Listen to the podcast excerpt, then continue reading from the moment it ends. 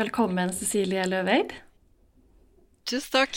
Du er forfatter og er nå aktuell i boka til Kaja Skjerven Målerin, 'Kameratlivet', Ja. som er utgitt på Kolon forlag.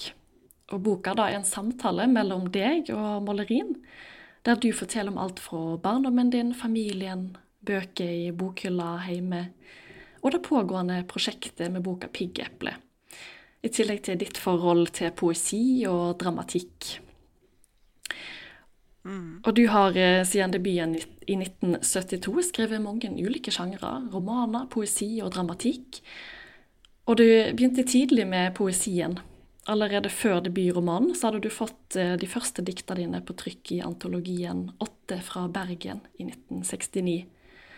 Hvordan eh, begynte du å skrive?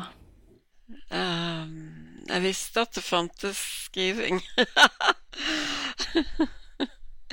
jeg visste at det fantes i, eh, som en eh, Ja, som en del av virkeligheten. Og at det var høyt høyt verdsatt, da. Så eh, jeg tror jeg oppdaget veldig tidlig gleden med å formulere med å skrive. Men vi snakker jo ikke da om kvalitet, selvfølgelig. Vi snakker jo da mer om at At det kanskje kopierte litt, og, eller prøvde, prøvde meg frem, da. Men jeg, jeg, altså jeg, blir- jeg får jo av og til dette spørsmålet, for det er så naturlig å spørre om det. Og egentlig så svarene som kommer opp, blir litt forskjellige hver gang. For det, kommer liksom litt an på hvilket nivå man snakker. Altså, er forfatteren klar over at forfatteren skriver litteratur? Det må, det må på en måte andre fortelle det. Altså, du, du, du vet det selv, men du, men du må likevel bli, bli fortalt det. Jeg har jo møtt i mitt liv personer som er kanskje 40 og 50 år gamle, og, og, som lurer på om de skal skrive, og om de er forfattere eller kan bli det. Altså, jeg tror det er mange som har lyst til å skrive, og mange som skriver. Så, så det springende punktet blir jo når publiserer du bevisst? Altså, når skjønner du at du må at du må inn i forskjellige Inn i um, en eller annen form for institusjon Nei, hva, hva er ordet jeg leter etter nå? Eh, ja, ja, ja, altså en formidling. Noen som kan, kan liksom hjelpe deg til å realisere dette her, altså. Og da oppstår det jo en kommunikasjon som aldri, aldri opphører, egentlig. Du kan skifte litt på personer, men det, eh, men det Men det er det det handler om, altså. Det handler om eh, skriving og førsteleserskriving og skriving og medium og publikasjon og mottakelse. Og det er en veldig stor del av forfatterlivet. Ja. Førsteleser, sa du? Ja, du må jo ha noen som uh, liksom tar imot babyen. altså eh, sam, Som har samme ambisjon som deg, sånn eh, forhåpentligvis, og at det skal at det skal publiseres, at det skal bli noe av. Og det kan jo også gjelde teater, eh, og da tenker jo ikke teater på at det skal publiseres i en bok, men jeg tenker selvfølgelig på at det skal, skal gjennom skuespillere og, og, og det hele det verket, ensemblet, som skal, som skal spille stykket. Så det er jo en litt annen ting, men eh, egentlig akkurat det samme på den måten at noen må jo ha sansen for det du gjør. Og du må vite at de har sansen for det du gjør. Altså, du må føle deg trygg på at de har sansen. Og du må føle deg rimelig trygg på at de har evne til å hjelpe deg også. Eller hjelpe ikke meg, men teksten. Ja. Ideen, liksom. Ja. Ja, nå har jo du skrevet i veldig mange år eh, og fått eh, gode tilbakemeldinger. Men har du hatt noe eh, motgang? og Har du opplevd at det du har skrevet, har blitt eh, slakta? Motgang hele tiden. Ja. Så det gjelder egentlig bare å ikke åpne opp for motgangen, altså for, eller fornemmelsen av motgang, eller kanskje vi skal kalle det ufor, ufor, Ikke uforstand, for det høres så dumt ut, men, men desinteresse eller en eller annen form for annen agenda som andre, kan ha. Det, det behøver jo ikke være dårlig kritikk. Altså, det er jo veldig banalt. Dårlig kritikk er bare surt. Men, men å finnes på en måte ikke på min, som interesse for meg, altså. Det er jo også veldig fremhevet nå for tiden at kritikken har skiftet. Det er ikke sånn så én til én lenger at man sitter og venter på kritikken, og så, og så tar man bestikk etter kritikken, liksom. Det, det er for, for, for, lite aktivitet på det mest, for, det, for de fleste forfattere. Det, som det ofte er fremhevet at det, det er ikke så mye å få å hente. Ja. For lite aktivitet, tenker du da på oppmerksomhet rundt eh, publikasjon? Ja, i forhold til eh, mengde publikasjoner. Mm. Blir det publisert for masse? ja, jeg tror ikke jeg er den eneste som tenker tanken. Jeg har jo tross alt vært uh, borti komitéarbeid og råd og litterære råd ikke sant, i flere perioder. Eller i to perioder, for å være helt pinlig korrekt. Og altså mengden fra 90-tallet vår, eller 80-90-tallet hvor jeg var med første gangen, og nå, for, nå nylig, for et par år siden, hvor jeg var med for annen gang, så er det nærmest doblet. Bok, bok, bokmengden. Og jeg syntes allerede det var mye første gangen. Så vil jo tro det. Kan du lure på om man har bruk for uh, eh, 500 typer Zalo oppvaskmiddel, liksom? Ja.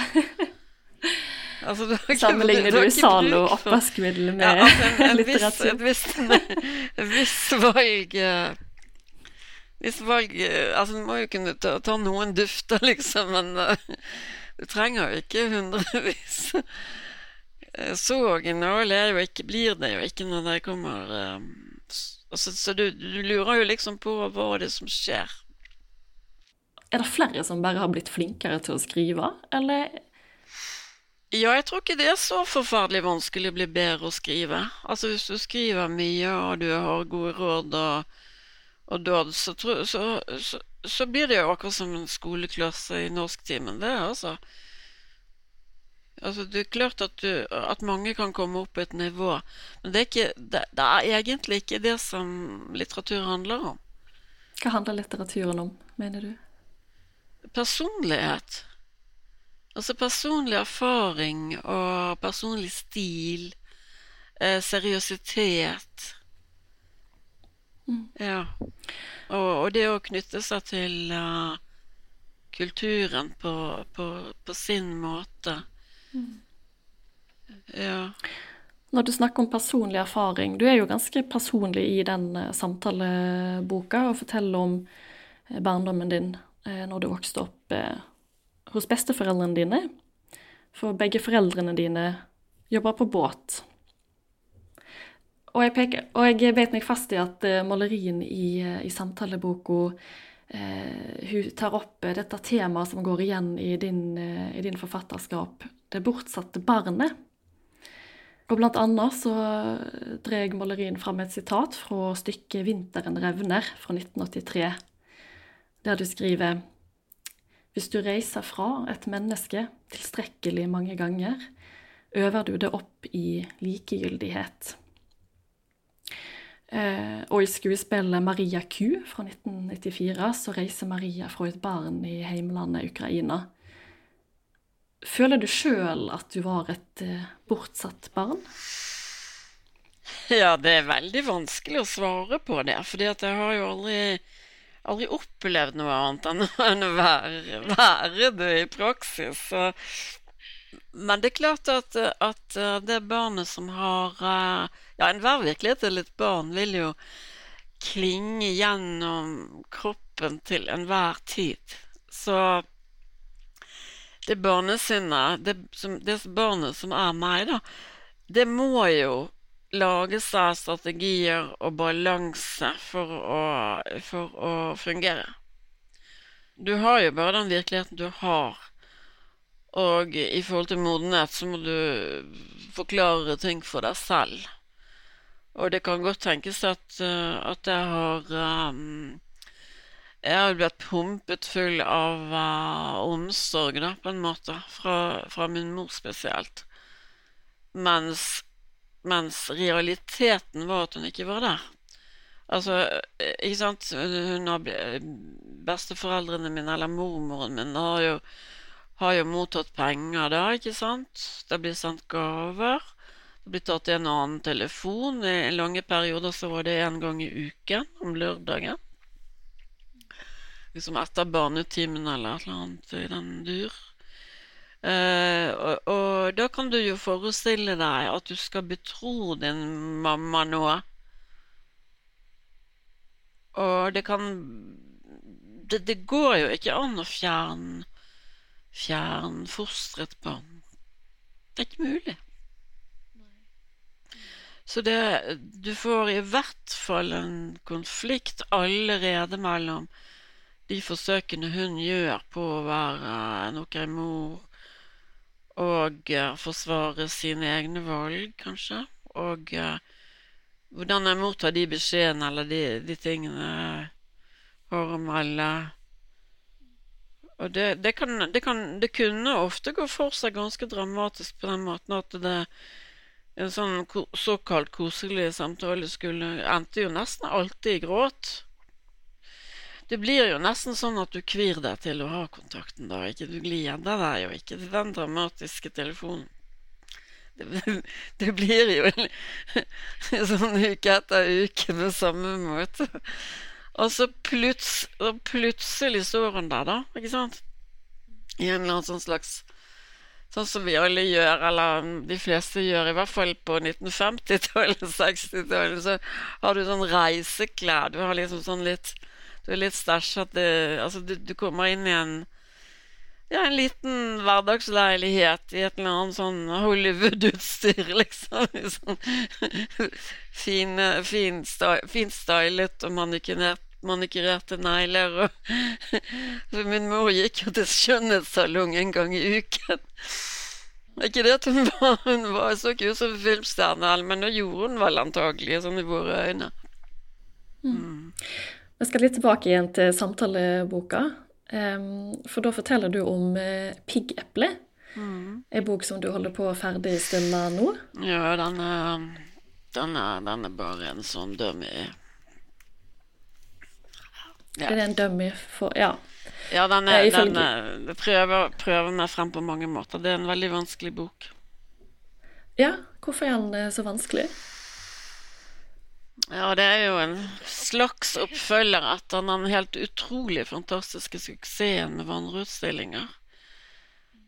Og så har jeg, har jeg utviklet Jeg har jo, har jo, en del interesser, jeg har utviklet Jeg føler at jeg har um, gått i en retning da som knoppskyter hele tiden. Så, så det For meg er det litt Det er vanskeligere for meg nå å liksom skrive enkeltdikt eller enkelttekster som som jeg etterpå ser har sammenheng. Altså, det Jeg føler at jeg, jeg føler meg samle det, samle tema det, Samle skrive på en annen måte. Jeg må utvikle meg. Og det må man jo alltid. Altså, sånn er det jo hver gang. Og, og, og, veldig mange har jo inntrykk av at jeg skriver så lett, og at det går så fort og sånn, men det er jo helt motsatt. Virkelig helt motsatt. Hva er din ideelle på en måte, måte å arbeide på, eller eh, Det er å være halv, halvbevisst. Å være halvbevisst mm. og ha en sånn en skriveplate eller notatbok. Og så bare lese, høre på musikk. Eh, kan til og med sitte og se på film. Du kan sitte og se på dokumentarfilm, for eksempel. Mens du da jobber, på en ja, måte? Ja. ja. Altså en halv En slags kløvd, kløvd skjerm, altså en kløvd indre skjerm, da. Og plutselig noe snakker til meg sånn Og dette må jeg ha Å ja, her skjønte jeg noe. Her, her fant jeg noe. Her. Oi, oi, oi. Og sånn. Og da er det jo veldig, veldig vanskelig å gå tilbake og, og utdype det. Altså fordi du veldig sjelden skriver konteksten. Hvis du tenker deg at jeg skulle være maler istedenfor billedkunstner, så, så jeg lærer, har jeg mange lerreter i sving samtidig. Så kan jeg gå bort til det ene og legge litt blått, og så kan jeg gå bort til det andre og tegne litt med kullstiften. Altså litt sånn. Og da, da, da, er det veldig veldig vanskelig å ha sånn leverings... sånn, sånn deadline-greier i hodet òg. Å, jeg skal jobbe fort, jeg må bli fort ferdig. Det er jo helt Det helt hinsides. Men når vet du om ei bok er ferdig? Er det en følelse som kommer? Nødt til å ta et sprang, altså. Så sier jeg nå er det nok, eller altså Og da begynner det en sånn sam... Altså noen ganger har jeg den der fornemmelsen at nå samler det seg. Sånn som når du lager en deig, ikke sant. At det først er krumlet og, og sånn, og så og så samler det seg rundt uh, vispen, ikke sant? Eller, ja. Det, den fornemmelsen kan man ha, så Jeg tok visst litt feil. For det er jo ingen deig. Det er mye mer komplisert enn en deig. Ja, kjemien er mye mer komplisert. Det er veldig komplisert. Altså, men jeg vil foretrekke likevel å skrive fremfor å bygge lover i legoklosser eller sånn. Altså, for det det er jo mekanisk. Det er jo noen andre som har tenkt ut i forveien.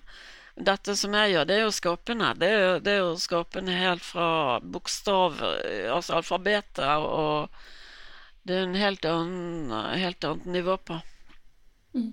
For Det høres nesten litt slitsomt ut å, på en måte skulle finne denne her halvbevisstheten og, eh, for å komme videre i arbeidet. Mm. Hva føler du sjøl at du får ut av den prosessen med å skrive? Eller skape? Jeg føler meg rarere og rarere og mindre og mindre forstått. jeg tror um, det er veldig sånn glede, glede ved å ha skapt noe. Faktisk. Det er det, altså.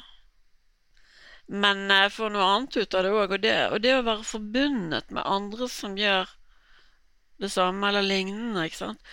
Jeg ser jo at andre også har veldig vanskelig for å fortelle andre hva det egentlig handler om.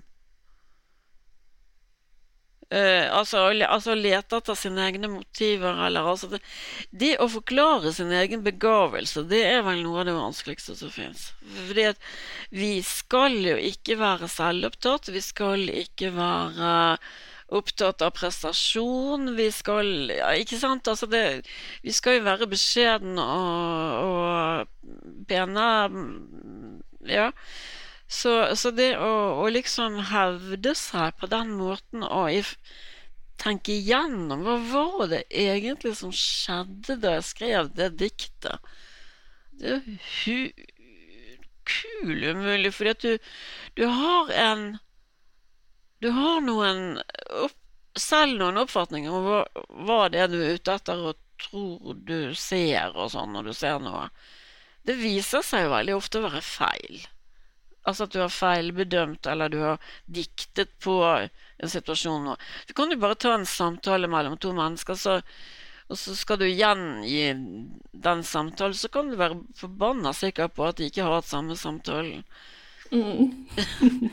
Så, så hvis, det, hvis det f.eks. Gjelder, gjelder teater, så skal du jo også altså merker i hvert fall jeg at um, til en viss grad så så er man ikke noe godt menneske. Men man leter etter Man leter etter skurr og deskommunikasjon og det som verre er. Det som verre er? Jo, altså man må Altså Forfattere som meg, i hvert fall, må, må jo Eller det kanskje alle gjør, det, men man du må jo lete etter der hvor det er vondt, der hvor det brenner, der hvor det skurrer, der hvor det er visjoner som kanskje ikke gikk. Altså, det er jo Hvis vi tar den mest, mesterdramatikeren Ibsen, da, så handler jo det veldig mye om eh, Altså med hans eh, retrospektive teknikk så handler det jo om å hente opp uh, inn, Ikke bare det indre livet, men i det indre livet så ligger det jo løgner, ikke sant. Det ligger erfaringer, det ligger uh, håper å si synder, altså ting man har begått før i verden, og som har fått konsekvenser. Blant annet han har jo gitt støt til at nevrologi plutselig blir psykologi og psykiatri og institusjon. Altså forsøket på å finne uh, hva skal jeg si, det indre mennesket, da. Hva som foregår i det indre mennesket. Bare det har jo, har jo liksom holdt på uh, uh, i, Altså, i den fasongen som er etter Freud, eksempel, hovedsakelig, så har jo ikke den holdt på så forferdelig lenge, hvis du tenker på menneskehetens historie. Men, men, diktning har jo alltid, alltid drevet med det der. Ja. ja. Så vi har jo masse erfaring. Jeg vil litt tilbake til piggeplet. Ja. For da, eh, da sier du i samtaleboka at du vil gjerne kaste manuset over, utover, gulv, uh, utover, gulvet og setter ja, det sammen i tilfeldig rekkefølge. Ja, ja, ja, ja, men det har, jeg har brukt den metoden noen ganger uh, tidligere også, fordi at uh, enhver metode, enhver skrivemetode, fører til akkurat samme tilstand. Og det er en følelse av å være trapped, eller innelukket. Du er fanget, du er tvangs... Du har fått tvangstrøye omtrent, altså, på det. Fordi at det må være sånn. Det må være sånn. Og så tør du liksom ikke det, det Du tør liksom ikke gjøre noe fordi at du, du har kommet så langt, sant? Og så redd for å ødelegge. Og da er det jo veldig greit, da. Så bare hive det opp i luften, og så la det blåse alle veier, og så, det, så samle det tilfeldig. Og så kan du ordne det igjen. Og da har du fått et friskt innblikk i hva du har holdt på med. For ved så mange sider og så mye notater og så mye rart klarer du ikke å, du, du, skal, du, skal, ha det på Du skal ha det på Jeg skriver jo håndskrift. Jeg har jo tjukke manuskripter som er håndskrift. I dette her manuset her er 40 sider. 40 siders manus. Det er bare uke fem. Eh, Piggepletid står det her. Og det, det, det, er fullt av skriveskrift. Og her har jeg laget eh, innholdsfortegnelser, sidetall fordi at jeg blir helt gæren av å, å, finne ut av det. Det er så mye arbeid som går til spille fordi at jeg ikke klarer å finne tilbake. Altså, det er ingen vits i å fylle denne der eh, computeren med en masse elektroniske ord. Det er akkurat like kaotisk der. For du, du skal, da, da, skal du jo virkelig være en sånn skikkelig ark arkivar, da. Og, og, du, og, du, og du sletter jo utrolig mye mens du skriver. da. Og da kan ikke du gå tilbake. Du kan selvfølgelig gå tilbake, men du glemmer det igjen. Altså, det fins jo teknologi for å gå tilbake. Hva skrev jeg nå? Nå slettet det. Nei, jeg angrer. Men det, prosessen er mye mer komplisert enn det. Så ingen som må tro at en bok ser sånn ut innenfra som den ser ut på en side. Nei, det ligger lag på lag, på en måte. Ja, det ligger lag på lag, lag på lag, rom på rom. Og det man ønsker, det er jo å gi leseren selvfølgelig også noen rom, da. Noe rom på rom. Men, men, men det, vil aldri, det vil aldri finne frem, ikke selv engang. Og noen ganger så minner jo leseren meg på ting jeg har skrevet som jeg har glemt, eller har glemt hvorfor. Uh, og så kommer både mye seinere. Å ja, det Jo, ja. Sånn, ja. Så, sånn, så Husk på at det er 50-60 år med litterær virksomhet. Vi snakker produksjon. Så hadde det vært skofabrikk, så hadde det vært ganske mye sko. Men som jeg nevnte helt i starten, så skriver du både dikt og dramatikk og romaner. Er det sjanger eller tema og, og idé som kommer først i skriveprosessen? Nei, det er lyst. Lyst til å lage den tingen som skal bli enden av det hele. F.eks. For en forestilling. Eller en bok. Hva er det som sitter sterkest i, da, når du ser tilbake på forfatterskapen din? Ja, det var et skikkelig godt spørsmål. Hva er det som sitter i? Eh, teateret har opptatt meg veldig, altså. Og har vært en veldig stor del av livet mitt. Og da er det rart å tenke på hvor liten del jeg har vært av teateret.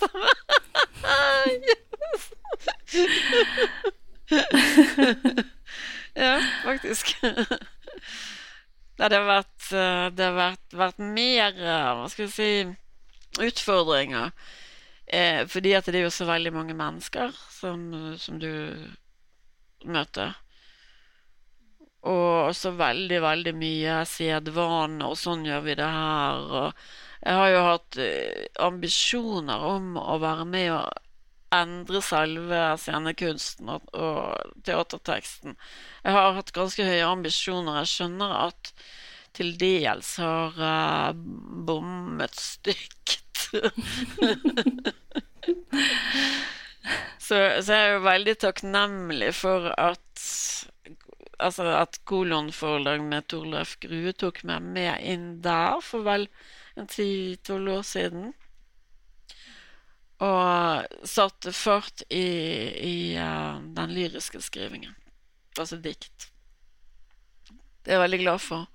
For det, det, ga meg en uh, Det ga meg en sånn mestringsfornemmelse som jeg nesten aldri har med, med dramatikken. Har du tenkt på å skrive for film? Ja, det var det aller første jeg ville. For jeg er jo egentlig den generasjonen som var barn tenåring når Bergman var på sitt høyeste. Bergman er den generasjonen. Så det har jeg selvfølgelig gjort. Jeg tenkte på fjernsynsteater. Jeg var veldig, veldig, veldig på fjernsynsteater. Det som jeg skjønner og har skjønt seinere, det er det at det er veldig, veldig få som er kompetente til å utvikle dramatikere. Det, det, det, det, det fins nesten ikke noen. Jeg har et siste spørsmål til deg her. Kunne du ha blitt noe annet enn forfatter, eller var det på en måte da du Det var det som var din, eh, ditt mål, på et vis? Jeg hadde, hadde, forskjellige andre utganger, ja. Jeg trodde at jeg måtte bli skuespillerinne, som man sa den gangen. Siden min mor ja, hadde vært der. Ja. ja. Og så ville jeg bli kunsthåndverker. For jeg likte veldig godt uh, kunsthåndverk, keramikk osv. Men jeg oppdaget jo at det fantes noe som het reklamegrafikk. Og da kunne jeg designe ting. Og det er jeg faktisk veldig opptatt av fremdeles, altså. Og gjennomgående veldig opptatt av design. Så et eller annet innenfor design kunne jeg kanskje gjort. Ja. Vi avslutter der. Det var veldig, veldig kjekt å snakke med deg. Takk for at jeg fikk være med.